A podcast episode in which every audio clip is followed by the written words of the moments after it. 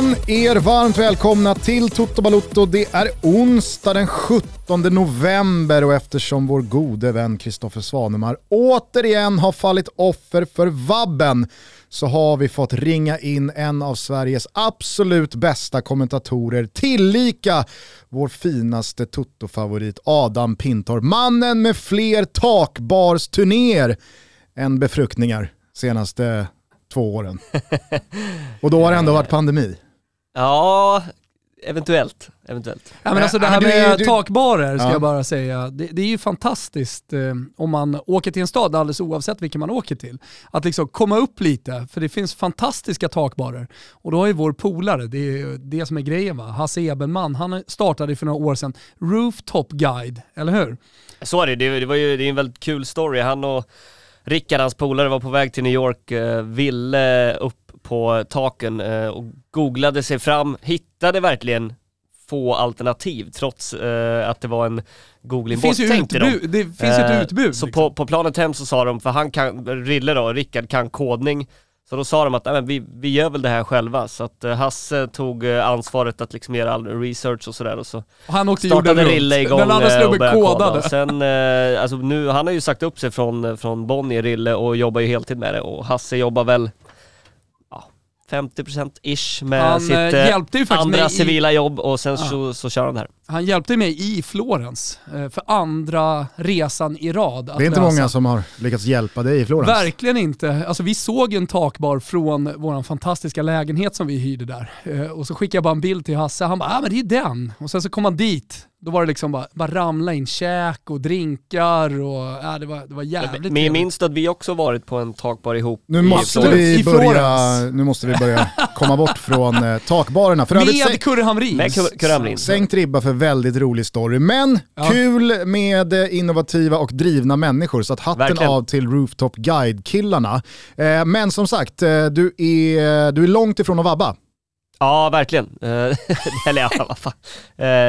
Ja, det är jag. Jag har inga barn i alla fall. Nej. Men här är du och vi har precis avslutat VM-kvalet, i alla fall den ordinarie fasen. Nu återstår bara playoff och det lottas om nio dagar, den 26 november. Sverige blev till slut sidade. Vi fick hjälp av både Ungern och eh, Belgien och Montenegro som höll nere siffrorna mot Turkiet. Så att eh, i slutet av dagen så var det ju aldrig eh, speciellt nära att vi levde farligt. Men eh, skönt ändå. Och så avgörs det här playoffet alltså i mars. 24-25 spelas semifinalerna och eh, 28-29 spelas eh, finalerna. Sverige kommer alltså att börja hemma. Det är fri lottning vad gäller hemmaplansfördelen till finalspelet. Och vi kan väl då bara för ordningens skull eh, upprepa då det många säkert redan tillskansat sig, att Sverige är en av sex sidade ettor eh, tillsammans med Portugal, Skottland, Italien, Ryssland och Wales. De länder vi kan få möta är alltså Polen, Nordmakedonien, Tjeckien, Österrike, Turkiet och Ukraina. Spontant Thomas, vad är drömlotten? Nordmakedonien känner jag. Även om de gjorde en fantastisk match borta mot Tyskland och det, det är långt ifrån ett dåligt landslag.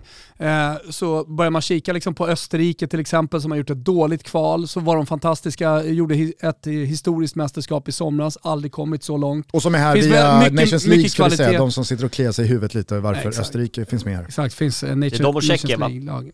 Precis, precis. Mm. Eh, men Nordmakedonien säger du, eh, Ja, direkt volley. problemet sen är ju att det, som du berättade i förra Toto, skapas ett träd. Så att jag menar, vi kan fortfarande efter den 26 när det har lottat se att vi kan möta Portugal eller Italien i en eventuell final. Mm. Eh, Så visst kan man sitta här och hoppas på drömmotstånd, men det är, det är lottningen den 26, vad som sker i finalen tycker jag som är mest intressant. Adam, vad säger du? Nej men jag hade, nog- jag hade nog svarat Finland om de hade löst det där, men det blev ju Ukraina från den gruppen, så att jag är på Thomas spår också. Det är Nordmakedonien, även om det är ett okej landslag, det är absolut ingen strykpåse, så det får väl ändå gälla som en drömlott. Hemma så ska vi slå Nordmakedonien. Vet Ja. Jesper Hoss, Hoffman är ju sugen på Ukraina, tycker att det liksom passar oss. Och, eh, nu har ju Shevchenko väl lämnat och in eh, har kommit någon ny gubbe.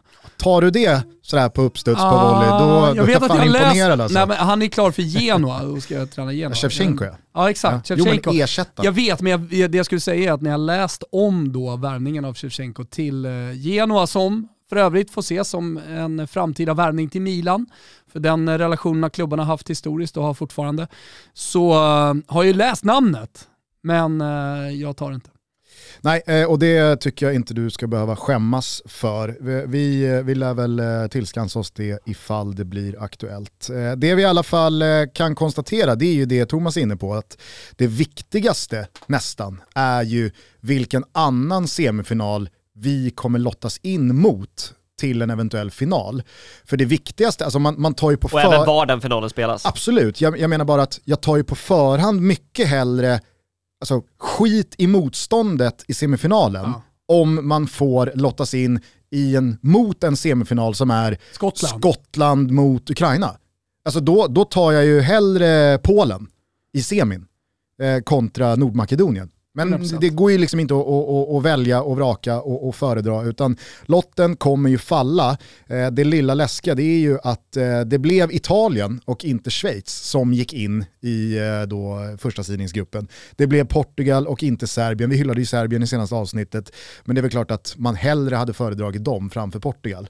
Så att det är ju ganska många läskiga lag, men jag tycker den här hemmaplansfördelen, det är ju jävligt utslagsgivande för ett lag som Sverige. För ganska många lag. Alltså ta lag som Wales och Skottland.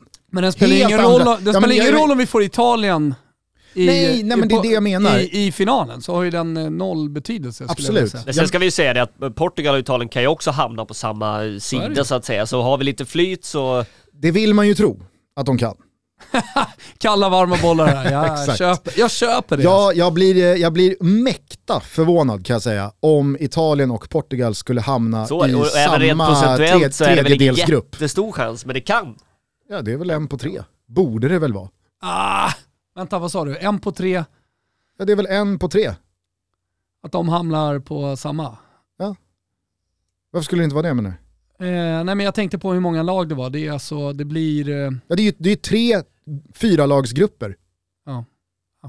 så enkelt. Det, det är, jag vet inte, det är min spontana volleymatte här Ah, vad gäller sannolikhetsläran. Jo, ja, jag vet. Men vet. som sagt, jag Finns är en cyniker. Eh, jag har väldigt svårt att se att Portugal och Italien skulle eh, hamna i samma grupp och då inte båda kan avancera till ett VM.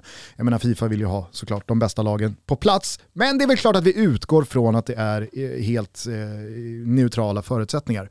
Ehm, vad gäller klara lag från det europeiska VM-kvalet så har ju säkert folk koll på vilka som har vunnit sina grupper. Och nu när vi har landat i det så kan vi konstatera att Norge har inte nämnts än. Nej, De bränner. De igen. bränner. De bränner. Adam kommenterade förlusten borta mot Holland igår tillsammans med Hanna Marklund. Först och främst, vilken jävla reality check det blev på pisset man genomled i ett och ett halvt år med tomma läktare. När Ja. det nu har varit ett halvår ish med publik på läktarna igen. Och vad så snabbt man har glömt det också. Exakt, och så slängdes man tillbaka till en helt tom arena, man hör spelarna, man hör ledarna, man hör domans kalla pipa. Och så, och så var det en sån där match också där krysset eh, med all säkerhet skulle räcka för Nederländerna, så de var inte jätte... De hade ingen större ambition om att gå framåt, så det, det var ju som en träningsmatch, Ja. eh, stora delar i alla fall. Ja. Nej, det, var, det var hemskt att eh, slängas tillbaka till det där. Och herregud, nu, nu var ju det där en konsekvens av att det återigen har börjat spridas eh, i både Holland och det är väl Schweiz va? Eh, som det, det Okej. skickas på ordentligt med spridning här nu. Ja, Jag vet inte, jag hoppas på att eh, det, det, det, det, stannar här. Eh, men eh, vad, vad säger du om eh, Norge? Nej men Både generellt, igår och överlag. ja, men generellt så är man väl lite, lite liksom besviken ur ett norskt perspektiv med, eh, med kvalet. Ja. Eh, ja men ur ett norskt perspektiv såklart. Ja. Jag hade ändå förväntat mig lite mer, att de skulle tagit sig lite, lite längre med tanke på spelarmaterialet som Ståle Solbacken hela tiden pratar om att de har lagt en, en grund men eh, var ju aldrig riktigt, riktigt nära ändå. Även om de vid en seger hade, hade nått åtminstone ett playoff då så eh, de var ju aldrig nära i matchen och eh, 0-0 mot Lettland några dagar innan bevisade väl att de har blivit ganska Erling Haaland eh, ska man säga, eh, beroende och eh, att de andra har en bit kvar. eh. Mm. Ja, alltså det, det, det är bara att skriva under på det. Jag, jag tycker att eh, Norge i ganska många matcher eh, över det här kvalet eh, är ett lag som, ja, men, som du är inne på, är ett lag med Håland och ett helt annat lag utan. De känns ganska uddlösa. De känns, det känns som att de också vet det själva. Att, ah, hur ska vi kunna rubba liksom det här laget? Och vi har problem att spräcka nollan hemma mot Lettland. Ett Lettland som bara några dagar senare ändå får slita liksom, Det är klart att det spelar ingen roll att Bode Glimt eh, vinner mot Roma med 6-1 och att vi pratar om eh, Hauge och, de andra spelarna runt Håland som faktiskt gör det bra ute i Europa och det kommer fler och fler norrmän ut i de stora ligorna. Alltså det, det ligger kvar något historiskt i Norge att man går inte till mästerskap och för att bryta det tror jag att det krävs att allting stämmer. Och att, eh, alltså framförallt att nyckelspelarna, de som bär laget, de som gör de avgörande målen till exempel, att de är, att de är friska. Eh, alltså det, det är så lätt att även om vi hyllar och, och till viss del också med all rätt hyllar eh, någon slags ny generation av, av eh, norska spelare som är betydligt bättre än eh, den generationen som har funnits de senaste 20 åren, eh, så är de ju fortfarande inte där att de bara åker och vinner enkelt över Lettland borta. Eller bara går och tar sig till ett mästerskap. Nu var man ju nära och man gjorde en bra vår och eh, var med mot ja, men Holland, Turkiet som ändå är landslag som har bättre 20 år bakom sig. Eh, jag, jag, tror att, eh, jag tror att det är så jävla det är otroligt viktigt och det gäller även Sverige.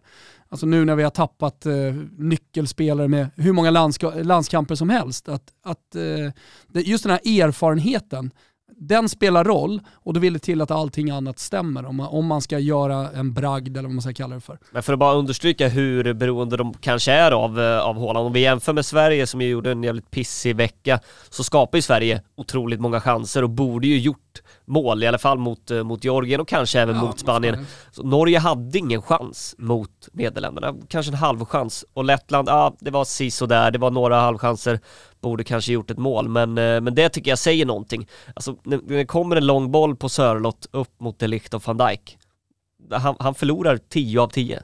Och då är ju Sörlott ganska så, alltså det är ju hans eh, spetsegenskaper. Så att vara tung och stor i, i box och i luft. Så en djupledsboll kommer han aldrig vinna heller. Nej, eh, nej men jag, jag, jag håller med Thomas här. Jag tror att eh, man inte ska underskatta det som sitter i väggarna och det som liksom har etablerats i gruppen. Att vi är ett landslag som två av tre gånger går till mästerskap, för det är det vi gör och att det liksom rotar sig i gruppen. Och därför tror jag, som Thomas är inne på, det är extra viktigt här nu när vi har genomgått en generationsväxling, Zlatan kommer fasas ut, vi har en ung stomme som ska bära det här landslaget ganska många år framöver, att de får börja med att gå till ett VM och veta och känna eh, och utgå från att vi lyckas med sånt. Det är ju betydligt svårare att gå till ett VM än vad det är att gå till ett EM numera sen man utökade från 16 till 24 lag. Och det känns väl lite som en jävla eh, tröskel för, för, eh, för Norge här. Nu har man lite så här en chans kvar med den här generationen att gå till EM 24. Det är nästan tre år bort, så det kommer ju ta sitt tag. Men det kan ju innebära att man bryter det där glastaket och att man liksom börjar landa i att ja, men vi är ett lag och ett landslag Sverige, som tar, tar sig till mästerskap. Och det gäller Norge också. Alltså, det viktiga är att de spelarna som kommer upp, de som spelar i landslaget nu, de kommer dels från stora akademier, de är vana att vinna, de är vana att redan från tidig ålder att åka och spela internationellt motstånd eh, och mätas med de bästa juniorerna. De, de, de har liksom vunnit inbjudningsturneringar, de har vunnit Gothia Cup, alltså det kommer upp små mästare som nu också placeras i, i de största ligorna, vilket eh, om man jämför med liksom tidigare generationer inte har varit fallet. Eh, Svanberg från Malmö FF, eh, Alexander Isak från AIK, eh, Kulusevski från BP och så vidare. och så vidare. Alltså det, det, det är små mästare som är vana att vinna och jag tror att vinnarskallar, det bygger du bara genom att vinna. Man brukar, man brukar ju slänga sig med att det är bra att förlora för att då lär man sig det här med att förlora. Jag tror ju snarare tvärtom. Jag tror att det är bra att bara slakta rent ut som ungdomsspelare. Jag, jag tror, då bygger man en vinnarskalle på ett helt annat sätt och så kanske man har någon förlust och då blir man så jävla förbannad jag tror att det krävs, den mentaliteten krävs för att man ska komma till som Kulusevski till Juventus. Eller nu eh, Svanberg att liksom gå igenom kanske ett, eh, ett mittenlag i, i Serie A, bli nyckelspelare där. För jag är helt övertygad om att eh, han har, eh, bara sett till ryktena, en stor klubb i sig om något år eller ett par år. Ja, ny chans blir det i alla fall för eh, Norge 2023. Då får de lyckas knipa en plats i eh, 2024. Jag tycker vi släpper Norge fram till dess nästan. Herregud. Ett och ett halvt år i utvisningsbåset. Tillsammans med Manchester United. Ja, kanske. Eh, Haaland kommer vi dock aldrig komma runt. Eh, och, Det vill man ju inte heller. Nej, det vill man inte heller. För att man älskar Haaland hur, hur man än vrider och vänder på det. Veckan vi alla väntat på är äntligen här. Ja, men ni ser det säkert överallt, men det är i Toto Balotto man lyssnar på de bästa Black Week-erbjudandena. Och vi är ju sponsrade av K-Rauta. Och hela veckan så är det massa röda priser. Håll koll på deras hemsida och där kommer ni hitta mängder av erbjudanden. Bland annat, om jag får tipsa lite, så hantverkarkit från Ryobi med ett värde på 6 995 kronor. Nu på Black Week endast 29,99. Mm. Vill ni kanske göra hemmagjorda pizzor och få dem att smaka som de gör i Neapel? Ja, men slå till på deras pizzaugn. Oni Koda! Värdet är 3195 kronor. Men för er, just nu, Black Week, 2556. Ja, men så passa på nu, in och kika, hitta lite favoritgrejer. K-Rautas hemsida gäller såklart, krauta.se, men också i varuhusen. Och glöm inte, just nu har de även ett klubberbjudande där du som är eller blir klubbmedlem får dubbla poäng på precis alla köp. Passa på! Vi säger Kitos, K-Rauta. Vi gör detta tillsammans med Stadium dessutom. De har just nu en kampanj som går under namnet Tacka tränarna. För det är ju så, aldrig någonsin har tränaryrket varit så viktigt som det är idag. Det kan jag verkligen skriva under på, jag som arbetar inom eh, ungdomsfotbollen. Utan tränare, ja då blir det mer stillasittande och eh, det förstår ju alla, det är inget bra. Utan tränare skulle föreningslivet knappt finnas och utan tränare skulle svensk sport inte vara det det är idag. Vi skulle inte få fram några Alexander Isak och Zlatan Ibrahimovic. Så med kampanjen Tack tränarna så vill Stadium hylla och tacka alla de här människorna. Och de har då instiftat ett tränarstipendium som vem som helst får skicka in ett bidrag till och nominera en tränare som förtjänar cred och för all del också ekonomisk stöttning. Så Stadium kommer att utse tre stipendiater av alla de här inskickade bidragen. Och de här tre vinnarna kommer att bli tilldelade ett stipendium på 50 000 kronor till sin respektive till sin respektive föreningsverksamhet. Så stipendiet går alltså inte till tränaren. Och vi önskar tillsammans med Stadium att ni börjar med att berätta om en egen tränare som ni vill hylla och varför och sen nominerar den personen. Det är viktigt också att eh, personerna kommer från föreningslivet, så det handlar alltså inte om en PT till exempel. Vi hörs, och nu kör vi vidare med Toto. Eh, skitsamma, ska vi fokusera på några lag som eh, faktiskt har agerat under det här kvalet. Det har ju varit ett speciellt landslagsår i och med att VM-kvalet drog igång redan i våras och sen så var det ett Europamästerskap uppskjutet från i fjol som klämdes in däremellan och så har det varit en intensiv höst. Italien lyckas alltså som regerande Europamästare och eh, värdiga sådana från i somras bränna direktplatsen här. Eh, kanske framförallt eh, på grund av att Schweiz överraskande liksom, stabilt nog bara ångade på och tappade inte många poäng. Men också att man slarvar bort några poäng hemma mot Bulgarien. Det är ju liksom, det, det, det är underbetyg. Men vad läser man in i det här? Nej, men det. Mancini, det, det gick fort, eh, jag säger inte att han är på botten och att den där titeln är förgäves. Men eh, det, är- det är inte bara hyllningar i dur här. Nej, det är inte bara hyllningar, men eh, jag tycker ändå att det är en samlad italiensk eh, Mm, ja, presskår, eh, det, det är ett enat land inför det här playoff-mötet. När man läser eh, tidningar, till exempel idag, så är det liksom rubriken eh, vi, ja, men vi kommer gå till, till eh, VM. Eh, direkt efter eh, krysset, tänkte säga förlusten eh, mot Nordirland, eh, så sa ju Mancini att ja, men det är lugnt, vi, vi, vi löser det här playoffet, vi, vi är snart klara för, för VM ändå. Så det finns ju en mentalitet i Italien att man kommer lösa det här. Sen så gör man ju no, något slags här, någon slags summering i vad är det som inte har funkat. Och, eh, jag menar, Chiro Immobile fick ta mycket skit trots att Italien vann eh, EM i, i somras. Menar på att liksom, han gjorde inga mål, men man har nu kommit fram till lite grann från italienskt håll att eh, hans löpningar saknades, han skapade väldigt mycket ytor för de andra som kunde komma in, alltså ta en som Locatelli till exempel. Eh, alla egentligen miss, mittfältare som dök in i boxen, att där, där saknas det rörlighet i anfallet, det är ett problem man har haft. Spinazzolas fart på kanten till exempel, där man inte riktigt lyckats ersätta heller. Eh, så eh, det, det, är klart det finns eh, kritik så att säga, alltså, eller man, man har försökt att hitta nyckelfaktorerna. Eh, men man är fortfarande väldigt, man har väldigt, väldigt stort självförtroende i, i Italien. Alltså man är helt övertygad om att eh, man kommer gå till e, VM alldeles oavsett om man får Portugal eller inte. Nämnde du Verratti eller? Ja, Verratti, ja, men han kom upp som en av fyra spelare idag i, i, liksom, Gazettans grafik. Spinazzola, Verratti, Immobile, Uh, någon, någon gubbe till. Känslan generellt vid, vid ställningen 0-0 och Raspadori kommer in med 10 kvar är ju inte nu löser han det här för Nej. Italien, med all respekt till Raspadori, men det är kanske inte den spelartypen som, ja, som han, kommer in och avgör. Liksom, han startar ju inte ens i Sassuolo. Två mål i Sassuolo, typ, den här säsongen. Ja, men det, det är inte två mål på 12 starter, Nej. utan han tar ju inte ens tröja i Sassuolo. Och ändå Nej. är han, som du säger, anfallaren man vänder sig till när man måste jaga ett mål Han har ju varit lite så Mancini också. Alltså, han förlitade sig på Tonali till exempel i matchen Han har inte dragit sig för att ge lite unga oprövade kort chansen. Tonali var ju med när han spelade i Brescia i Serie B till exempel och det har ju också varit hans framgång. Att han har vågat satsa på spelare som kanske eh, opinionen inte ens har tänkt som landslagsspelare. Eh, men eh, på, på tal om enat så, så är det en viktig information här som kommer ut och som verkar landa ganska bra i det italienska fotbollsförbundet med Gravina som president, det är att man funderar på att flytta en hel Serie A-omgång bara för att gynna det italienska landslaget och att de ska få mer tid på sig att förbereda sig inför det här playoffet. Eh, som är en stor önskan från Roberto Mancini. På tal om att liksom flytta en Serie A-omgång, ja, det kan ju låta som en, ett beslut man bara kan ta och så gör man det, men det är mycket, mycket svårare med Champions League och sånt som man måste förhålla sig till.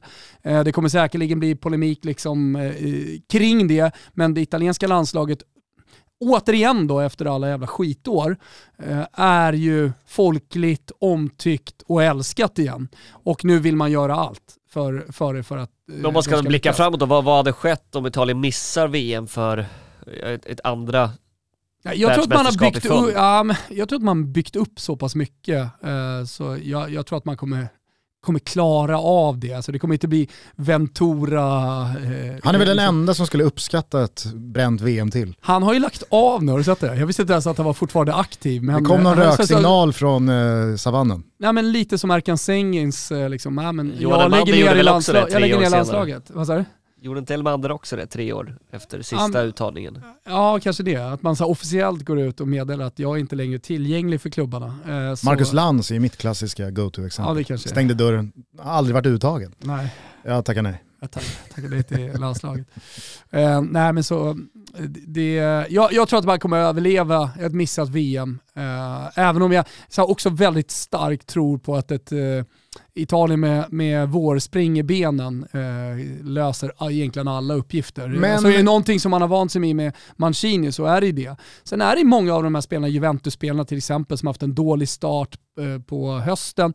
Inte bara italienska spelare individuellt som man, man, kan blicka tillbaka på på den här hösten, utan många EM-spelare som har haft en ganska tuff, eh, tuff höst. Och Men... det där är jättevanligt, eh, att eh, länder så... som går långt i EM också har lite tuffare under hösten. Och länder, eh, typ Frankrike tidigare så här, som går in i, i, i ett höstplayoff, förlorar någon match lite konstigt mot ett starkt motstånd. Jag kommer ihåg det var efter 2018 tror jag man, man torskade direkt i, i, i nästa kval så att säga.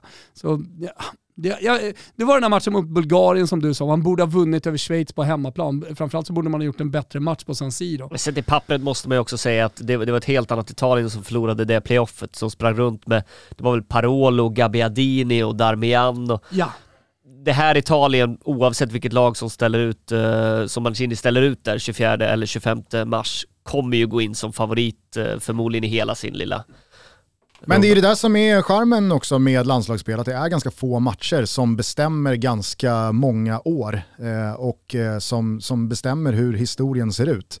Alltså Vet du vad jag kom på att Mancini att, sa också? Nej. Han sa ja men vi kommer gå till VM. Vi kanske, så avslutar den meningen med vi kanske till och med vinner VM. Ja just det. Så, så lilla, lilla... Så här, vänta, vi blickar inte bara mot det här playoffet utan jag håller på att förbereda ett VM här. Men du, eh, två korta frågor här. Eh, vi behöver inte bli allt för långrandiga kring den första. Men alltså snackar man i Italien om just den här, alltså länge, länge var ju det eh, snackisen kring det portugisiska landslaget att man fick inte fram någon nummer nio alltså någon central anfallare som gjorde målen. Man försökte ju många år med Hugo Almeida tills liksom det, nej, vi får vifta vit flagga, det går inte. Och sen så löste det sig lite av sig självt när Ronaldo mer och mer liksom började spetsa istället. Och så kunde man flankera honom med andra poängmaskiner som både gjorde mål och eh, inte minst då spelade fram honom. Men nu så har det ju gått väldigt, väldigt många år av Belotti, av Balotelli, av alltså Skamacka i ett nytt försök, EM 2016. EM 2016, då är det alltså Graziano Pelle och Eder. Det, det är ju liksom det är ju ett italienskt landslag som kanske var som allra bäst under en tid när det fanns Bobo Vieri, Filippo Inzaghi, sen kom Luca Toni. Alltså man, man hade längst fram en eller några av världens absolut bästa anfallare som garanterade mål. Chiro Immobile är all ära, han, han, han gör ju sina mål, men som du var inne på, Inte han fick, landslaget. nej, exakt, och han fick sin beskärda del av kritiken i ett EM-vinnande Italien. Och där bakom så finns det ju inte så jävla många alternativ heller. Det, det, alltså, är det här en grej, skulle du säga, i Italien? Att man säger, varför får vi inte fram en bomber? Varför får vi inte fram någon som år ut och år in inte bara är med i toppen av Serie A's skytteliga, utan som också bär landslaget. Mm. Nej, men det är klart att det är en grej, sen kanske det inte är så stor grej att man... Kommer du ihåg i eh, våras när man började prata om så här Mattia Destro? Ja. Är det EM på Destro? Ja, EM-form på honom. Jag tycker fan Destro. nästan att det var EM-form på Mattias och det var ju Destro, det som var det. Destro Det var ju det som var det sjukaste. än Raspadori. Eller Skamacka. Ja, verkligen. Eh, så, alltså, så han är ändå en riktig bomber. Jag gillar ju alltså den typen av late bloomers. Eh, va? Gör jag? Eh, nej men, så, så det, det tycker jag definitivt. Alltså, Lucarelli kom in i landslaget så här, på ålderns höst och sånt. Det är ju Quagliarella var ju inne och snurrade något år. Han var ju dessutom typ bäst i det italienska anfallet under den tiden som han var inne och snurrade. Men, eh, ja, men det, du har helt rätt. Sen så kanske man inte, eh, jag, har, jag har inte läst eller sett eller hört att man liksom ställer frågorna, vad gör vi fel i våra akademier? Varför får vi inte fram några andra? Alltså, jag, jag tycker Italiens problem under många år när man inte lyckades var att man inte fick, fick fram offensiva, bra spelare. Alltså, typ Eh, fantasista-typen Roberto Baggio, men där, bör, där har man ju faktiskt fått fram mycket i Chiesa. Eh, I eh, Insigne till exempel eh, som, och Berardi, så bra spelare på trekvarten som kan vika in, skjuta, assistera. Eh, men eh, det, det, man, man gör väl ingen man gör väl ingen jättestor grej av det, snarare än att man konstaterar att man inte har någon bomber. Eh, andra frågan, eh, vill man eller vill man inte ha Sverige i sin eh, liksom, eh, motståndar-semifinalgrupp? Oh nej. Det är, för jag tänker så här, Rankas högst efter Portugal faktiskt av de som man inte vill ha i Gazettan. objektivt så måste man ändå kunna vara ärlig och liksom säga, nej men Sverige kanske inte är bäst av alla. Eh, det, man, man får ju liksom köpa in sig på att andra länder har en annan bild av Sverige som kanske snarare ser liksom den sammantagna prestationen än hur vi många gånger alltid liksom utgår från högsta nivån som bor i Jan Anderssons landslag. Den är ju hög, men den är ju såklart inte den som andra utgår från. Utan Vi är där- i samma kategori som Polen och Turkiet. Ja, ja men det exakt, det är det jag menar. Och alltså, lite så blir det så här, Zlatan, ja det är klart att han sticker ju ut när man tittar på spelare, precis som Lewandowski sticker ju ut när man tittar på spelare från övriga landslag som står ut från mängden. Men eh, det finns ju någonting i att så här, ja, Italien föredrar de Portugal på andra sidan semifinalerna i en eventuell final framför Sverige för att de är liksom vidskepliga och det gick som det gick sist? Eller ser man på det nyktert som att Sverige, det är ju trots allt ett lag som vi slår åtta av tio gånger. Nej, alltså nyktert, man vill inte ha Sverige. Alltså det, det benämndes Det är väl som en då? mardröms eh, Då, är det ju, då, är, då finns det ju liksom Ja, en, så en ja. historik och en eh, liksom, Sverige i dålig kvartsfinal eh, med Janne. Alltså, visst, man förlorade den där matchen eh, i åttondelsfinalen i, i somras, men man är, är trots allt nära och bra. Så jag tycker det är ganska nyktert att inte önska möta Sverige till skillnad från liksom, Turkiet, Wales, Skottland, Polen, Österrike, eh, Tjeckien och så vidare. Mm. Det finns någonting, det finns ju en spets i Sverige tycker jag som eh, flera av de där länderna saknar. Jag skulle ju säga ett mardrömsmotstånd lite in disguise, det är ju Ryssland. riktigt dålig vibb på om vi skulle få Ryssland Fan, på motsatt sida i eh, semifinalerna. Ryssland, Turkiet, Polen, eh, till viss del också Skottland. Tycker jag är jobbiga om vi skulle, om vi, om vi skulle få, jag vet inte varför. Skott, Skottland har jag noll problem med så länge man möter dem på Friends. Alltså Skottland och Wales, det är två olika lag på bortaplan, två helt andra lag på hemmaplan. Kolla på Nordirland mot Italien, de har ingenting men, att spela men för. Skottland är ju sidade, vi kan väl inte få dem på Friends va? Det är klart att vi kan få dem på Friends i en final eftersom det är fri Jaha, lottning då. alltså. Så att alltså, de brittiska, utöver England så är det ju väldigt mycket så. Alltså det, det, det kan kallas slappt och liksom att man slentrianmässigt bara liksom köper in sig på den sanningen. Men det är ju någonting med brittiska lag på hemmaplan kontra bortaplan. Kolla Nordirland här mot Italien. Alltså de har ingenting att spela för. Folket står upp i 90 minuter, bär fram dem till den här poängen. Alltså det är så här krigarhjärtan på alla håll och Öppet kanter. Men mål för 1-0 Men liksom. det var väl samma med Irland mot Portugal, Ja, också eh, otrolig exakt. stämning. Exakt, och, och det är ju liksom att, att få det emot sig när det ligger en plats i VM i potten på bortaplan. Nej men det, det är, alltså jag, jag, tar ju, jag, tar, jag tar hellre Portugal hemma än Skottland borta. Fan det gör alltså. Det är en Nej, final det alltså. är, det är gränspuck faktiskt. Ja, är- eh, Italien hemma. aldrig. Alltså Italien ska vi inte möta, Ev- de har en sån jävla revanschlust Eventuellt. Ja, men för, för Portugal tror jag inte vi bemästrar. Men då ska det vara nylagd matta på Friends i så fall. Då Det är, det, väl, köper det är det väl alltid. alltså, man lägger ny, den dör, man lägger ny, den dör, man lägger ny, den Nu dör. har ju till och med liksom AIK-spelarna tröttnat på att så här, vara neutrala i uh, mattafrågan. Ja, ja. Det är typ bara uh, nu- nu det bara ge som, som, eh, som krigar. Jag tänkte på det faktiskt i måndags när jag gick hem från studion, att jag vet inte senast jag upplevde en svensk kvalsamling med två matcher där man inkasserade två förluster och noll gjorda mål. Jag vet fan inte om jag har upplevt det i hela mitt liv. Alltså. Och det kan säkert någon eh, lyssnare hjälpa oss med, att gräva fram senaste gången Sverige torskade två av två matcher samma samling och inte ens lyckades göra mål. Jag, jag kan inte dra mig till minnes att det har hänt alltså. Eh, skitsamma, eh, du har ju kommenterat eh, väldigt mycket av VM-kvalet här under hösten.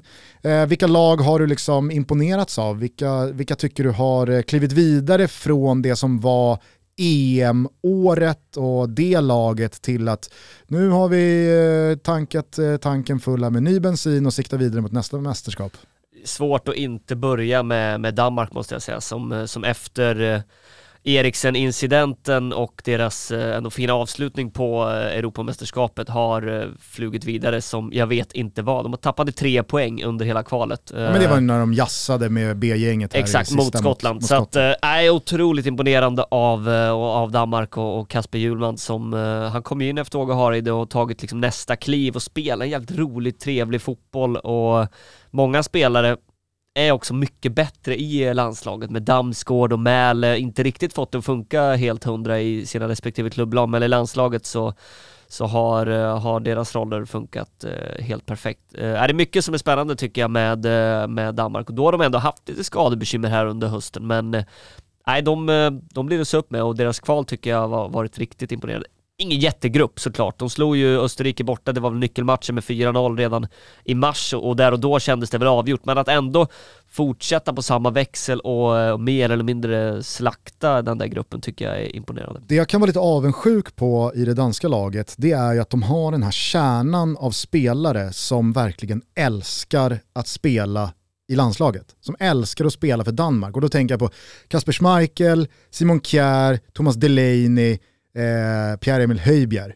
Alltså det känns som att den kvartetten, alltså det är såna jävla blodsbröder som skulle kunna, alltså jag, jag tror de ser sig själva i landslaget i fem år till. Alltså de ska ingenstans.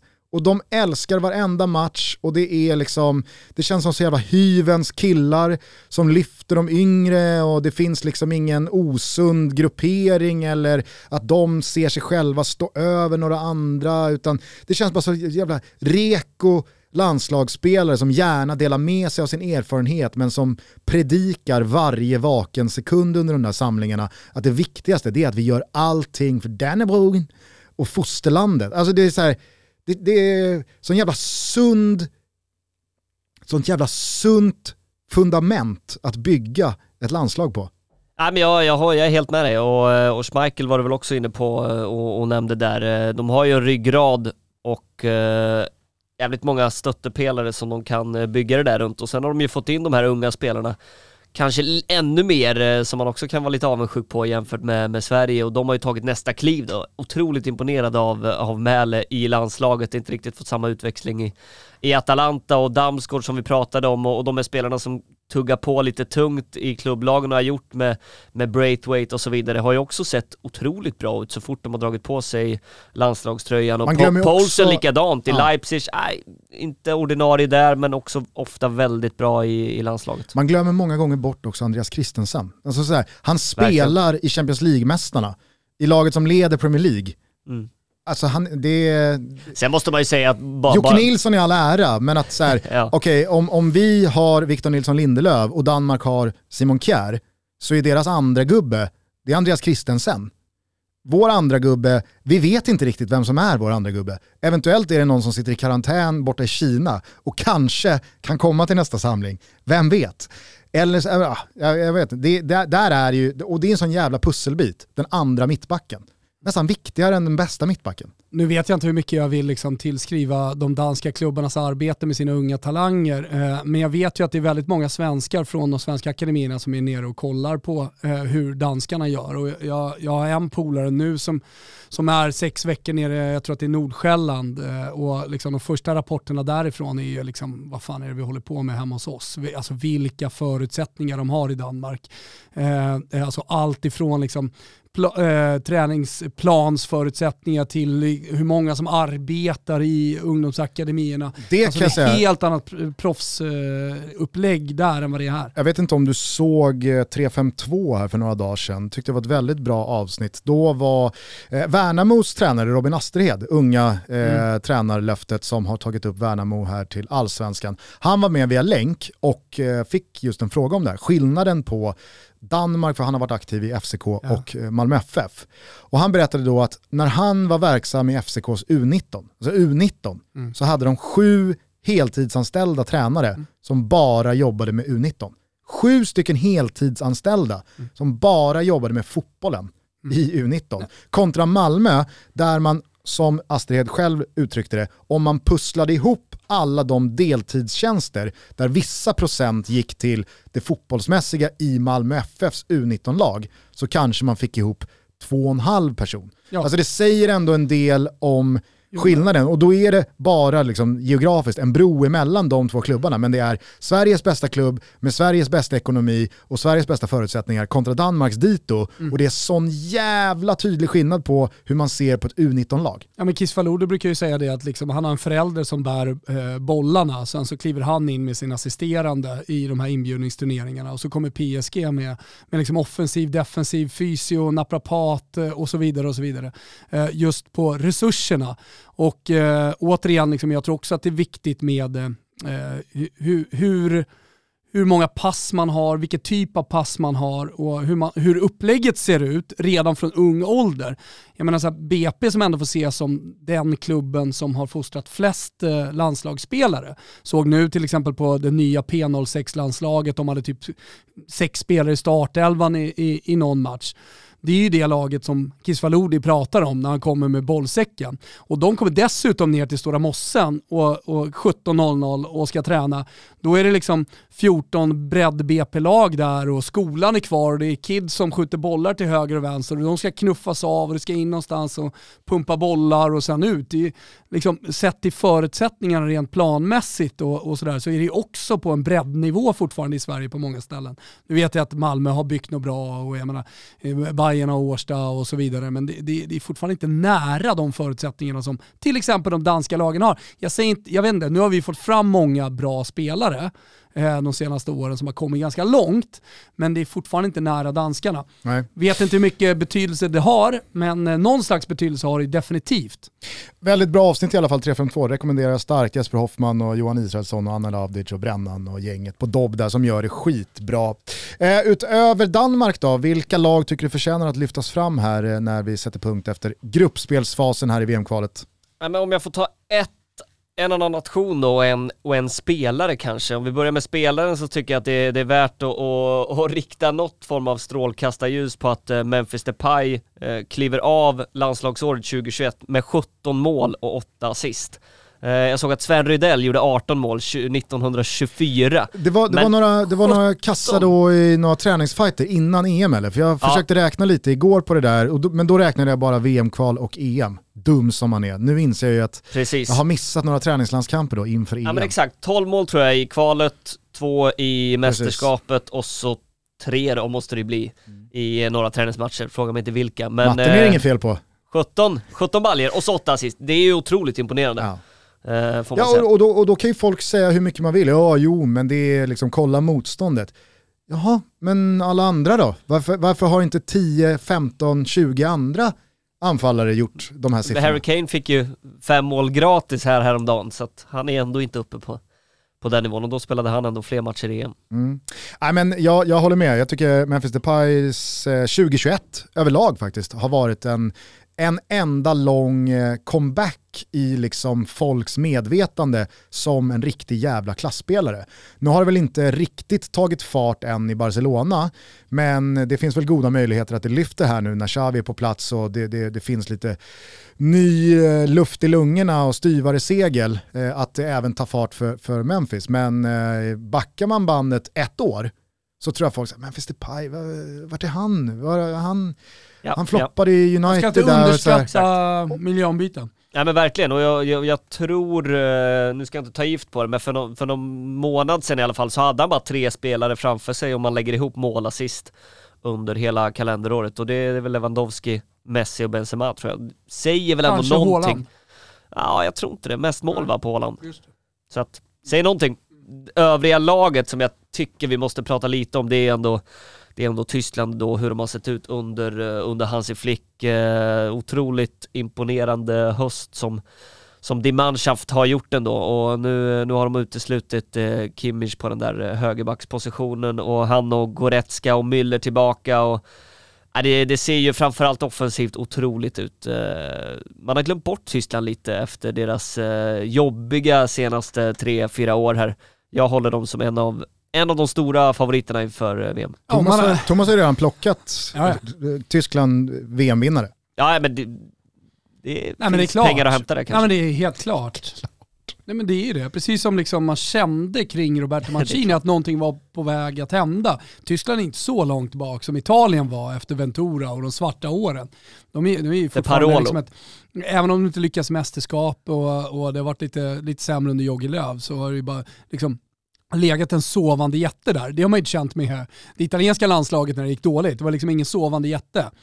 Alltså en sovande jättenation sett i fotboll, men det fanns ju inte spelare riktigt. Man såg ju inte Nej, Locatelli och de här gubbarna liksom bara lyfta ett landslag. Men det ser man ju på de tyska spelarna. Ja, Tyskland är ju mer eller mindre klart. Det är mm. lite samma där, de har väl kanske inte den där bomberspelaren, men deras lirare som liksom huserar runt en nummer nio är ju så jävla bra. Så Thomas Müller tillbaka och Gnabry som har ett helt otroligt målsnitt och de har också spelare på gång. Ska det lyfta för Werner? Ja, vi får väl se, men de har Adeyemi, de har så många andra spelare med, med Wirtz och Musiala. Och unga, senast var det väl uh, Lucas Mecha som uh, fick sin chans och, och, tog den. Så att, ja, men, det... Tyskland är väl liksom, hur sjukt det än låter efter att det bara gått eh, något år sedan Spanien fullständigt förnedrade dem med 6-0 så känns det ju som att Tyskland av idag är en mycket bättre version av Spanien. Just ja. det där att det finns ingen utpräglad spjutspets som ska ha passningarna snett inåt bak och som ska ha inläggen och det är den som gör målen. Utan det är tre, fyra, fem, sex spelare som snurrar runt, byter positioner eh, och, och, som fördelar de där assisten och eh, målen eh, på varandra. Och det bara flyter i ett kombinationsspel som är helt omöjligt att försvara sig mot. Spanien försöker lite, lite, här, lite samma sak, fast sämre, trubbigare, uddlösare. Ja, han är också rätt flexibel med det där. Han måste inte ha en renodlad eh, anfallsspelare på det sättet, utan det kan, det kan vara Kai Havertz emellanåt och, och sådär. Så vi, vi får väl se, det kan ju vara ett Tyskland som likt Spanien då 2012 kliver in i ett mästerskap och inte spelar med någon eh, renodlad nummer 9, utan de spelar med Gnabry, Havertz och, och Müller exempelvis. Så det, det lär väl funka det också. Hur klok är du skulle du säga på det spanska landslaget? av idag. Alltså jag, jag har väldigt svårt att landa i, ett, vad det är för lag, två, om någon skulle be mig så här, hur tror du Luis Enrique formerar elvan till nästa landskamp, om den är viktig? Om du fattar vad jag menar. Jag kan ha tre rätt. Jag, jag, jag, jag, ty jag tycker det säger en del om de, de, de fel. tre spelarna som syntes bakom, eh, bakom studion. Så var det bara en av dem som startade, en av tre. Eh, för Alba och, det var väl i första matchen då, Alba och Kocke var väl, eh, var väl petade. Eh, Men är inte, är inte hela grejen Luis Enrique då, som inte tar med maxkvoten av spelare till mästerskapet? Han byter väldigt mycket. Man får, man får liksom ingen grepp om Luis Enrique. Man vet inte, eller jag vet inte i alla fall, om jag gillar honom som eh, förbundskapten eller om jag tycker att han är sval.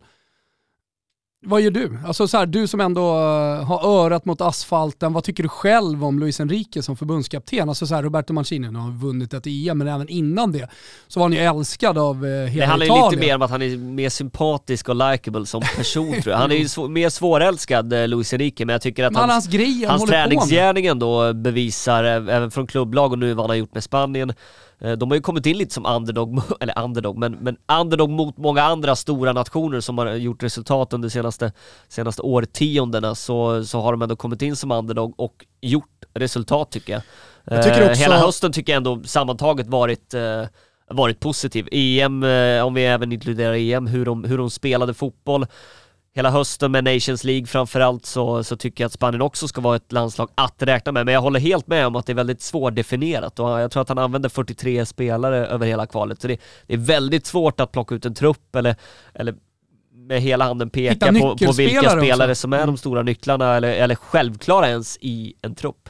Och jag vill bara fylla på det jag liksom sa där om att Spanien är ett sämre Tyskland av idag. Jag tycker att det var väldigt bra och på sin plats av eh, vår studio på, Simor inför Sverige-matchen. Som Kim Källström var inne på, att man har en bild av att Spanien är så tråkiga, de kommer inte till, det blir liksom inte det här öppna eh, spelet där, där eh, anfallslustan flödar.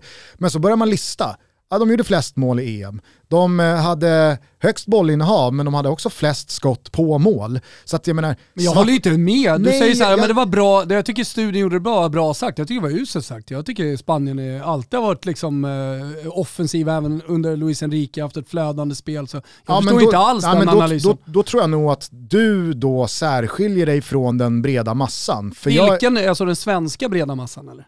Ja, det får man väl ändå utgå från. Alltså jag, jag tror att ganska många har upplevt fantastiska Spanien EM. Alltså, eh, senaste året på det sättet. Att det är ja, men dels eh, lite profilsvagare än vad det har varit eh, under många år innan. Det finns inte längre eh, någon eh, Torres eller någon Xavi eller någon Sergio Ramos utan det är lite mer anonyma spel. Det är, liksom, det är lite Villarreal över hela, över hela grejen. Men är det inte lite att spela sarg ut om man har sett Spanien en kvart här och där, att hela tiden göra anspråk på det, att äh, men de spelar som de alltid har gjort. Det var ju själva grejen med Luis Enrique när han kom in i Barcelona, att de började spela lite mer rakt Mm. och direkt. Och det är väl samma sak nu i landslaget tycker jag. Jag tycker att det är roligare att se Spanien idag än vad det var för 6-7 år sedan egentligen. Fast ganska många matcher upplever jag att de inte spelar så jävla direkt heller. Alltså, det, det, det, det, jag, De, jag, de spelar ju väldigt riskminimerande mot ett lag som Sverige när krysset räcker, absolut. Det var ju kanske inte det mest roliga Spanien, men om vi jämför med Nations exempelvis League? Ja men Nations League, hur, hur det såg ut där och även många matcher i, i EM tycker Ja, jag. alltså, Italienmatchen. Kroatien, blir det Kroatien, 5-3? ja, exakt. Men eh, är det bara så att vi helt enkelt eh, kommer vänja oss vid att Luis Enriques startelva i Spanien har potentiellt typ 20 olika namn i sig eller kommer han landa i någon slags så här, ja men den där positionen är öppen mellan två spelare och den där positionen är öppen mellan två spelare. Men sen så är det nio namn som man kritar ner. Jag, jag tror ändå att det kommer eh, tajtas till ganska rejält så länge alla håller sig skadefria. Det kan bli någon så här ny Barcelona-våg här nu där mittfältet blir Busquets, Pedri, Gavi, Ansu Fati ska in, Eric Garcia kommer spela på en av eh, mittbackspositionerna, Alba är kvar. Eh, och sen kommer det vara ganska öppet tror jag, men eh, nej, jag, jag tror inte att 43 spelare kommer, kommer eh, starta en match här över, över liksom om vi, Och när om man vi blickar framåt ett år, utan och att det kommer gör- vara lite mer tajtare. gör guiden, oavsett eh, vilken tidning man jobbar för, inför VM i Qatar. Så, och det ska tas ut, eh, vad är det, 25 spelare någonstans där. Vi får väl se hur, om, om det blir 23 eller om det blir, det var väl Just 26 det, va i 26 EM, förmodligen lär det väl bli åtminstone 25. Ja, det, Svårt det, att tror att jag, det det, tror 23. jag, det tror jag säkerligen. Så tror jag inte att det kommer vara så svårt att sätta dem. Utan visst, det är alltid svårt Men- men med här, spelare liksom, eh, 23 till 26 såklart. Eh, Men ta en spelare som Sarabia som har startat nu många matcher under hela året. Han, han skulle kunna ryka i en VM-trupp. Ja, ja. De- definitivt. Absolut. Men han skulle också kunna starta premiären. Mm. Så att det finns ju, men, men några spelare är ju givna. Men Eh. i, i Spanien, till skillnad från i Sverige eller i andra lite sämre landslag, eh, så är ju eh, prestationerna i klubblaget betydligt viktigare. Alltså, ja. Han kommer ju ta med spelare på form i slutändan när han väljer hur, hur det går i klubblaget. Det gör vi liksom inte i Sverige. Vi tar det- ut våra det- spelare och sen så Det är kan de jag ändå kvar tycka där. om. Det Ja, var, men, det var som Nederländerna finns igår, ju en annan där om startade andra, sin andra landskamp tror jag. Och det är bara på grund av hösten han har gjort, framförallt kanske i Champions League med Villarreal. Det hade ju inte hänt i Sverige. Nej, men och sen så är det en annan konkurrens. Det finns ju betydligt mer kvalitativa spelare, så det går ju att jobba på det sättet på ett annat sätt jämfört med till exempel i Sverige. Bara kort litet sidospår på tal om Villarreal. Jag såg att eh, Jeremy Pino förlängde sitt kontrakt igår till 2027. Otroligt imponerande att lösa den. Alltså i det läget han Absolut. Det finns är, väl en klausul där? ja det måste det väl göra. Alltså Säkert. alla spelare i La Liga, eh, det, det, det har väl liksom stipulerats från eh, ligaförbundet att alla kontrakt ska ha en utköpsklausul. Hade inte Pedri någon på typ en miljard euro? Jo exakt, det är väl bara Atletic Club som jobbar helt utan för att de skriver livstidskontrakt och så, men de, de ska ju ingenstans Ja. eh, såklart. Nej men att Villarreal ändå fortsätter Absolut. på den här Ge- banan. Gerard Moreno alltså- krittade ju till 2027 i somras efter EM. Ja, Pau Torres är kvar.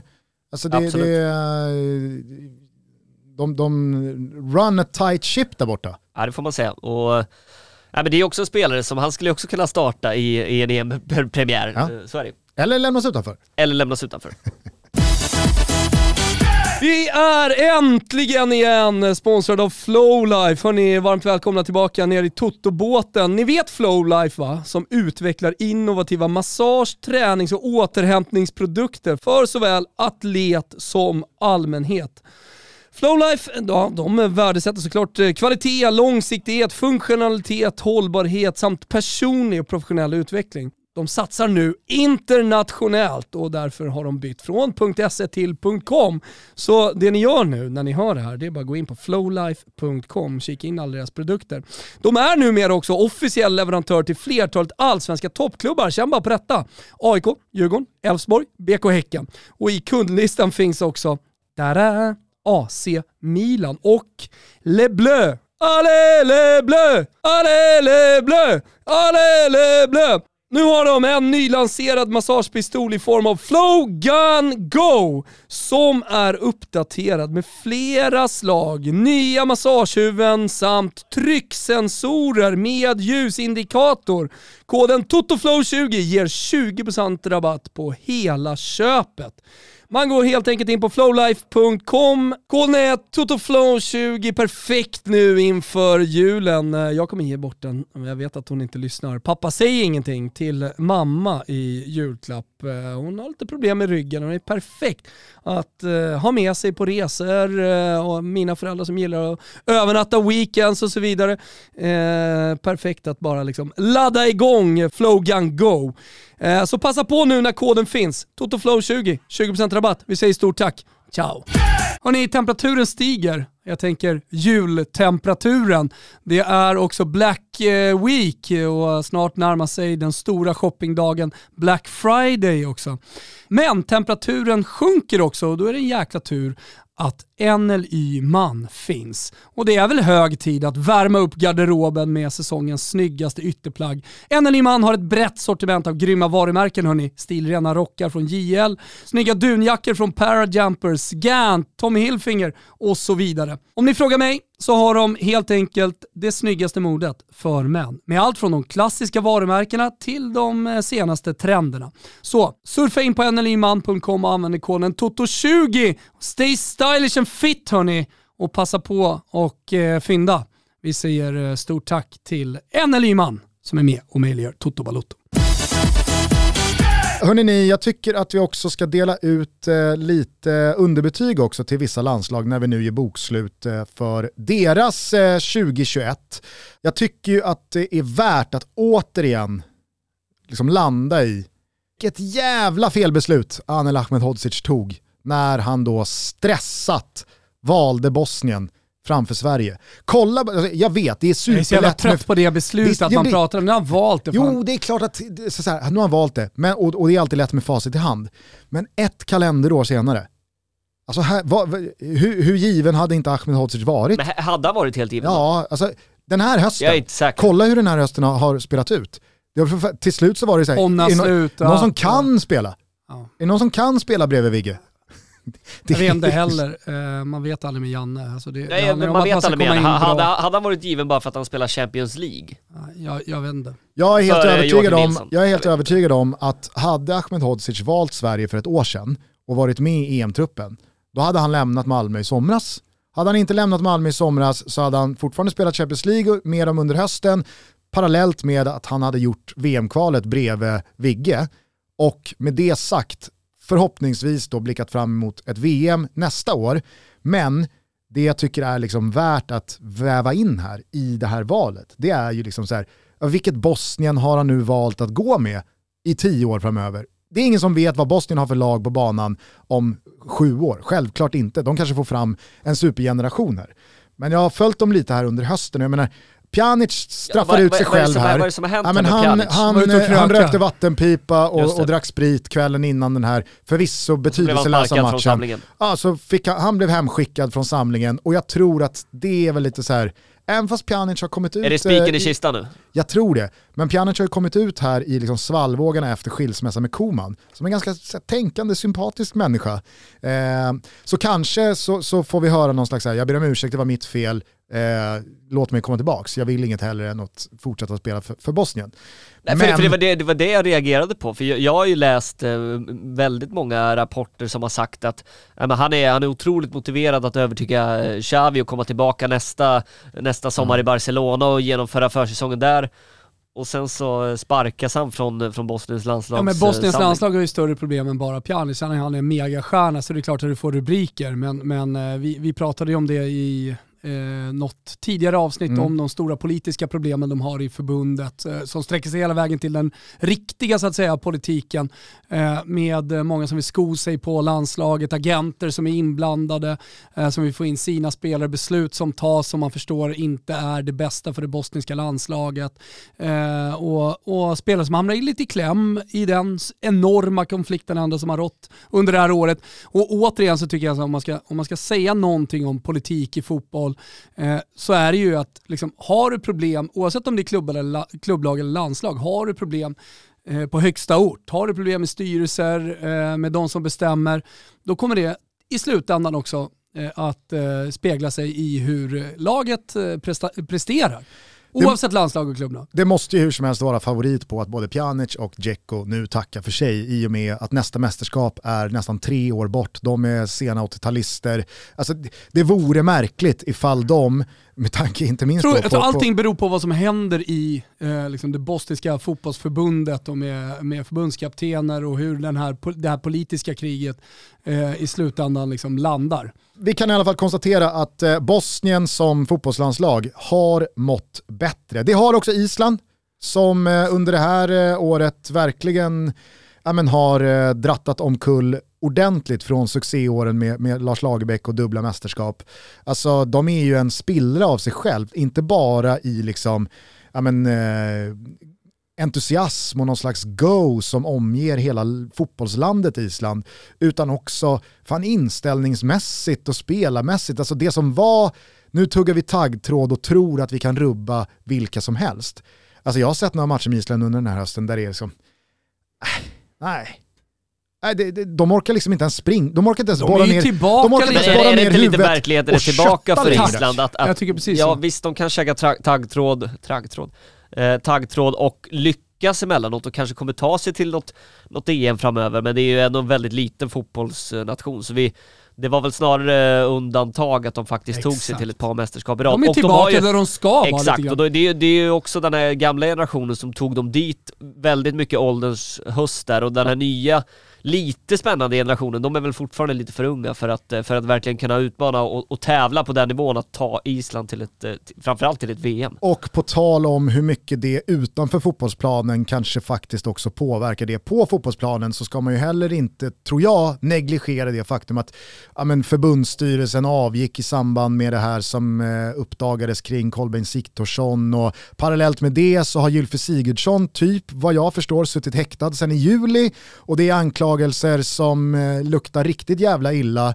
eh, med sexbrott mot barn och ja, men så här, det är ju inte gubbe 23 heller. Återigen, utan, är ingenting som Island har råd med. Nej, precis. Och, och, och, och, jag tror att det, det liksom, när det är lagets stora stjärna, Premier League-kaptenen med tian på ryggen, så får det ju såklart helt andra konsekvenser än om det är någon som ligger och guppar eh, kring en truppplats och som, som hotar kring högerbackspositionen. Eh, så att, nej, det har varit ett hemskt eh, landslagsår för Island och jag tror att vägen tillbaka för dem eh, blir jävligt lång. Men eh, de har ju eh, motbevisat oss förut. Utöver det så vet jag inte riktigt vad som jag, finns kvar att eh, summera detta VM-kval med. Nej men jag tänkte inte VM-kval, men om vi ska göra lite bokslut uh, hela landslagsåret 2021 så Uff.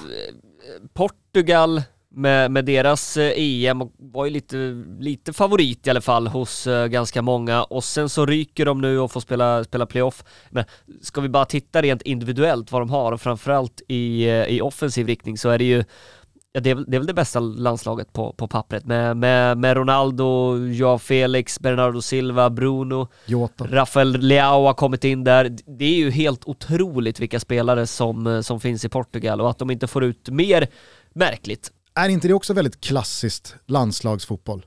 Absolut. Hur många gånger har inte liksom Sverige på pappret haft bättre lag än andra eh, årgångar? Men det är det svagare laget rent objektivt på pappret som har uppnått liksom både bäst resultat men kanske framförallt spelat bäst fotboll. Och det där är väl någon slags konsekvens av att man har väldigt lite tid att spela ihop spelare och att det kanske är lättare att få ihop det och få det att funka med lite mer laglojala spelare som underkastar sig kollektivet och som rättar in sig i ledet och som inte har några problem med att vara gubbe 5 eller gubbe 8 i hierarkin snarare än att man trycker in 5, 6, 7 spelare som till vardags är storstjärnor i sina respektive klubbar och så ska de samsas om samma boll och samma statistik i, i, i landslaget. Att eh, det, det, kan ju ofta slå knut på sig själv det där. Men, men kolla bara, men, hur många gånger har man inte sagt exakt samma sak om Argentina? Alltså på pappret. Det, det har ju varit helt löjligt vissa mästerskap. Jaha, de har Messi och de har Iguain och de har Agüero och de har Di Maria och äh, du vet, bara för att nämna några. Men hur, hur ser det ut? Grattis för övrigt Argentina som är klara för VM. Blev det i natt tror jag. Fan, jag var på väg att säga tack. Nej, men jag tror de blev helt matematiskt klara. Och, och, och, hur blev det då för, för Ecuador? var också väldigt nära va? Eller löste de det? Eh, Ecuador spelade ju mot Chile på bortaplan. Chile fick ju... Ecuador! Ecuador! Och de fick ju Arturo Vidal, Chile alltså. Avsluta med Ecuador. Ja det tycker jag. Otrolig låt. Fan. Det, det, var länge sedan. 14 minuten, då Nej, tog men då, Arturo Vidal Då spöade Chile med, med 2-0 ju. Ja, exakt. Det måste väl vara klart? Eh, så de har ju 23 poäng nu. Jag vet inte, de, de borde väl spela 18 matcher tänker jag. Det kanske också någon eh, ja, okay, kanske underbar lyssnare skulle kunna hjälpa oss med. Men det ska, eh, ifall det ska magkänslan att Chile är det landslag som har liksom flest röda kort eh, över 90 minuter historiskt jämfört med alla andra. Känslan säger så. Ja, men alltså i en sån viktig match, för Chile ligger och skvalpar där om att uh, få kvala, den vinner man väl alltid. Det är väl som att, att gå vidare, eller har det ändrats någonting? Nej. Nej, det har inte ändrats något. Den, den, vinner man och det är Peru där, men, men ni ska se att Colombia 17 och sen så, de är på fjärdeplatsen. Eh, ner till Paraguay på niondeplatsen så är det, så är det liksom fyra poäng. Det är poäng. det jag menar, Ecuador är ändå, de har sex poäng på, på Colombia och spöade Chile som är en direkt konkurrent då i, i natt. Så Ecuador... de tog ju ett enormt jävla kliv mot uh, VM får vi säga. Ja, Även om vi inte kan gratulera dem än. Eh, med din gubbe, Estupinan va som... Eh, Estupinian? Ja, eh, utan han, han är, Har du några fler i Ecuador? Det är ju inte det profilstarkaste laget. Är inte Caicedo där? Eh, jag frågar dig. Skulle jag säga, spontant eh, säga att han är från Ecuador. Ja. ja, exakt. Men inte den Caicedo. Dags att vakna. Han är från Colombia väl? Eh, nej, fan Ecuador. Eh, Dor, Stockholm här. Jag bara kollar laguppställningen bara för det. Nej, det, är, det, är, det är ett gäng man inte sätter. Det ska ju, eh, ska ju sägas. De har en till Caicedo på bänken.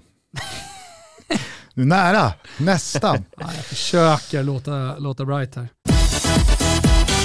Hörni, återigen då, eh, playoff-lottning eh, nästa fredag 26 november. Vem kommenterar den då? Pini. Kan det vara Gusten Dahlin? Nej men det är Gugge. Det är Va, Gugge. vänta, vänta, vänta. Olof vänta. De ringer ju in the big guns när, det, Vänta, är, liksom, vänta. när det är nationalangelägenheter. Du ska in och kommentera lottningen. Fra, frågar om inte jag ska köra en YouTube-variant här i studion med Pinitoro då, samtidigt som en liten konkurrent. Det var lite roligare än det hela det här tv, lite mer lättsamt. Är det du ta in, Olof? Ta in våra lyssnare, chatten och så vidare. Ja, jag tror nog fan jag ska ta, ta köra en konkurrerande verksamhet där. Som du kommer dribbla bort i vad, vad det är som gäller med Ja, men det- förutsättningar. Ta in proffs på det. Eh, 17.00 tror jag eh, det är satt eh, nästa fredag då. Och så avgörs allt det här 24-25 mars och så finalspel 28-29 mars. Tror du det kommer heta AV med Wilbacher? Det var, det, var, det var väl förra, för, förra lottningen som, eh, det var du Olof som gjorde den också. Ja. Tog, tog en timme innan lottningen började. Så var det. Så var det. Jag snackade lite för mycket. Jag lovar, jag ska, jag ska vara lite mer tyst Han idag. har varit så jävla pratsam senaste veckorna, Ja. Gustav. Vet du. Man får knappt en syl i vädret här. Jag eh, kommer vara ledig i helgen, jag ska åka till Spanien imorgon bitti med ett gäng polare och ha lite semester. Således så är det eh, Adam Pinitoro Pintorp som leder Fotbollssöndag Europa på söndag. Fan vad kul, vad har Ja. ni för matcher att se fram emot? Vi pratade lite Shevchenko tidigare, det är väl eh, debut på tränarbänken i alla fall då i eh, Genoa mot sin gamla tränare José Mourinho. Eh, så Genoa-Roma och eh, så följer vi Alexander Isak och hans Real Sociedad mot eh, Valencia. Så det är ganska mysiga matcher ändå får vi säga med många ingredienser. Men det är ju stora matcher lördag också som vi kommer ta ner såklart. Hörni gubbar, nu får ni inte reagera på det här, men vet du vad tipset är? Ja, det kan ni ju svara på, ja eller nej. Vet du vad tipset är? Nej. det vet ni inte. Det är att ta en Pepsi Max, fattar ni väl?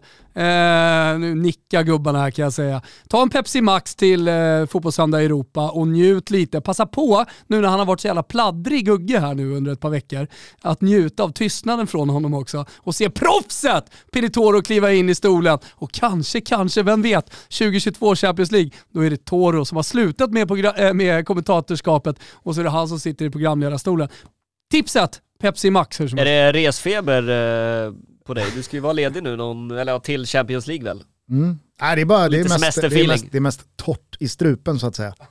Eh, ja, men 20.00 öppnar du studion. Ja. Underbart. Eh, Har ni inte ett simor abonnemang så skaffa det för guds skull. Via simor.se sport Hej. så kan man införskaffa GOAT-paketet och nu med en Toto-kod som ger er rabatterat pris. Och innan Thomas drar de förutsättningarna så vill jag alltså bara påminna er om att man med det här paketet får all fotboll från La Liga, all fotboll från Serie A och all fotboll från Champions League. Ja. Det är för bra. Och då har jag inte ens nämnt att då ingår också allt via Simor med serier och filmer och dokumentärer och hela faderullan, Toto Balutto så att säga. Toto Balutto med Solsidan, ny säsong och Gåsmamman och så vidare. 149 spänn, halva priset alltså. Jag tror att det är 149,50 för att verkligen få till halva priset. Eh, koden är VIP-toto.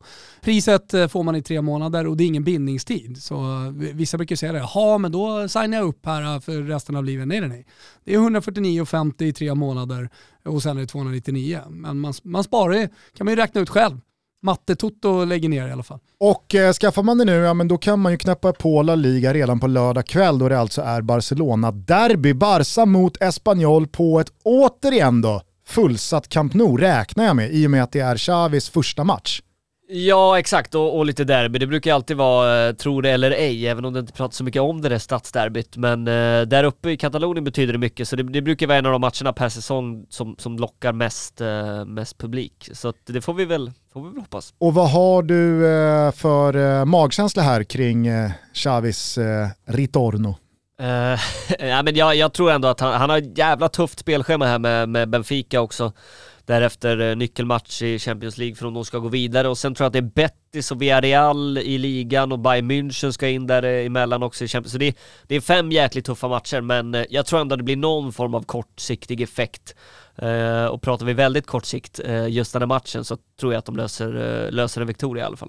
Och vilka har börjat närma sig en comeback från sjukstugan här? Det har ju varit oerhört befolkat i den under hösten. Ja, men jag tror att det är en handfull spelare som är spelklara redan till, till helgen och då snackar vi väl Pedri tillbaka, kanske viktigaste. Uh, Piqué, Garcia ska väl också vara, vara redo att, att spela igen. Ja, jag, jag, jag tror på en jävla run för Barca här nu. Jag tror att man får sån jävla injektion här av eh, Xavis återkomst och ja, men, eh, att eh, man ändå tror på det där Champions League-avancemanget som herregud, alltså det, det, är ju klart om man slår Benfica hemma. Tuffare ja, Eh, tuffare förutsättningar kan man ju ha än att behöva besegra Benfica på hemmaplan. Verkligen. Och sen som sagt... Alltså, det var snöpligt för Benfica att de kryssade en match mot eh, Dynamo Kiev, annars hade det varit mm, helt andra mm, förutsättningar. Nu är, det, nu är det lite... Ligaspelet har vi ju varit inne på, jag och Thomas har ett nytt bett eh, om en eh, skaldjursplatå på Sturehof Just det, jag i hört. maj. Eh, jag har ju Barca eh, topp 4.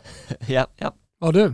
Vem, vem backar du? Uh, du har Barca topp 4 ja. Och, du kan och ju få kör... ta plats i bettet. Så att det, liksom det blir... Du delar nota, ja, dela eller no, dela så nota. blir det dyrare för den som förlorar. Exakt. Så det, det, det, du, det du går in med det är en delad nota för tre personer. Alltså... Det, Nej, men jag, jag går ju på det jag tror, jag tror också att de, de landar topp fyra. Okej, så Även om det är hakar du på Augusten då? Så om jag vinner då får du dela notan, men, Absolut. men om ni vinner, då får jag betala för två. Exakt. Ja, för mig själv. Ja. Nej men eh, kul! Ja. Fan, välkommen ner i Barca topp 4-båten. Eh, underbart, eh, det var väl allt eh, vi hade från eh, idag va? Ja men det tycker jag. Eh, vi skarvade in lite sydamerikansk kvalfotboll. De spelade ju till slut 0-0 Argentina och Brasilien. Ska de spela den här sista matchen också? Eller jag vad, tycker vad inte man ska skämmas över att man, som jag, många gånger, följer det sydamerikanska kvalet via resultattappar. No, och statistik. Nej, det behöver man definitivt lite intervjuer, inte göra. lite highlights. Absolut. Eh, så Men alltså, går det ju igång, ofta på klicka tider igång, klicka igång matchen 02.30, alltså, då ska man vara tilt efter en riktigt dålig vecka. Kom igen! Mm. Och det är ofta då jag har klickat igång också. Eller man är en jävla haj och man har varit inne på Betsson och liksom sopat hem allt.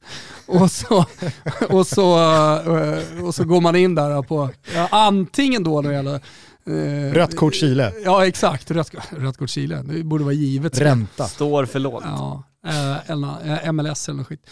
Eh, och det har vi inte pratat om. Det kanske vi ska göra någon gång. Alltså Kanada-fenomenet nu. De bara slaktar rätt ut i Concacaf de heter va? De har ju ett otroligt lag med. Ja.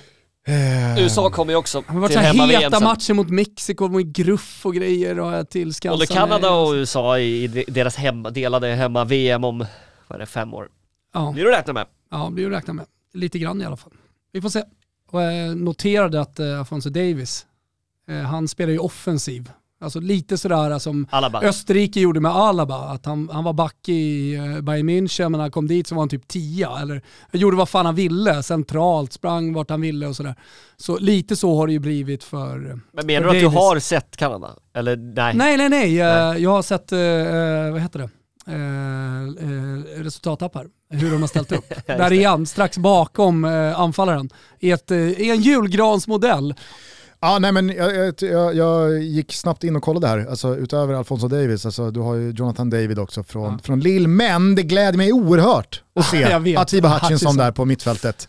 Gamla 83 öst, östermittfältaren som pushar 40 bast. Mm. Otroligt. Ja. Det är en Besiktas-legendar numera, men jag väljer att minnas honom från Värensvallen. Och så syr vi ihop det här avsnittet med att Atiba Hutchinson blev den östermittfältaren som fick en fin landslagskarriär och det blev inte då Marcus Lams som stängde dörren eh, till landslagsspel utan fick nöja sig då med ett par säsonger i eh, Hansa Rostock, eh, han var väl i Danmark. Det är klart han var i Danmark, ja. Marcus Lantz. Eh, och då eh, Öster. Eh, hörni, eh, tack för att ni lyssnade på Toto Balotto. Lyssna också på Toto Fam som hade premiär igår. Jävla bejublad eh, premiär. Är det Toto ja. Fam? Eller Ja, på, på franska är det Du sa Toto 5. Jag pratade med Sveriges Radio P4 Örebro, de sa Toto 5. Eh, så att det, det, det, är lite olika uttal, men det tycker jag är lite härligt när man skapar någonting och man eh, eh skapar någonting stort, att det råder lite tveksamheter. direkt. Ja, nej men exakt. Tveksamheter kring uttal och vad det betyder och sådär. Toto Balotto är ju fortfarande många som undrar vad är det, vad är, vad är det Toto Balotto betyder på italienska egentligen? När det är ett 60-talistuttryck bara, ingenting annat. Eh, nej, tack så mycket. Det är fan jävla massa hype kring podden. Det är Nyhetsmorgonsoffa nästa vecka och allt möjligt PR som händer.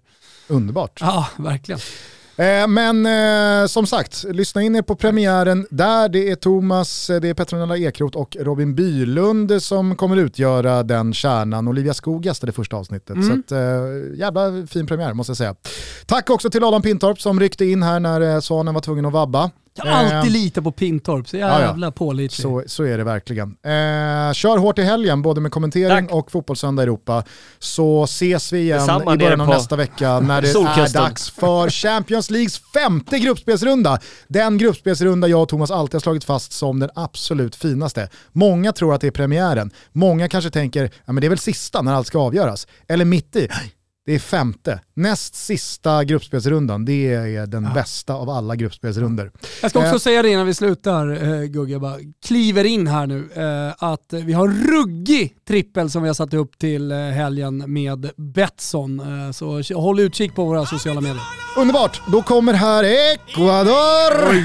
Och så får ni ta hand om varandra till dess att vi hörs igen, förslagsvis på måndag. Ciao tutti! Ciao! tutti.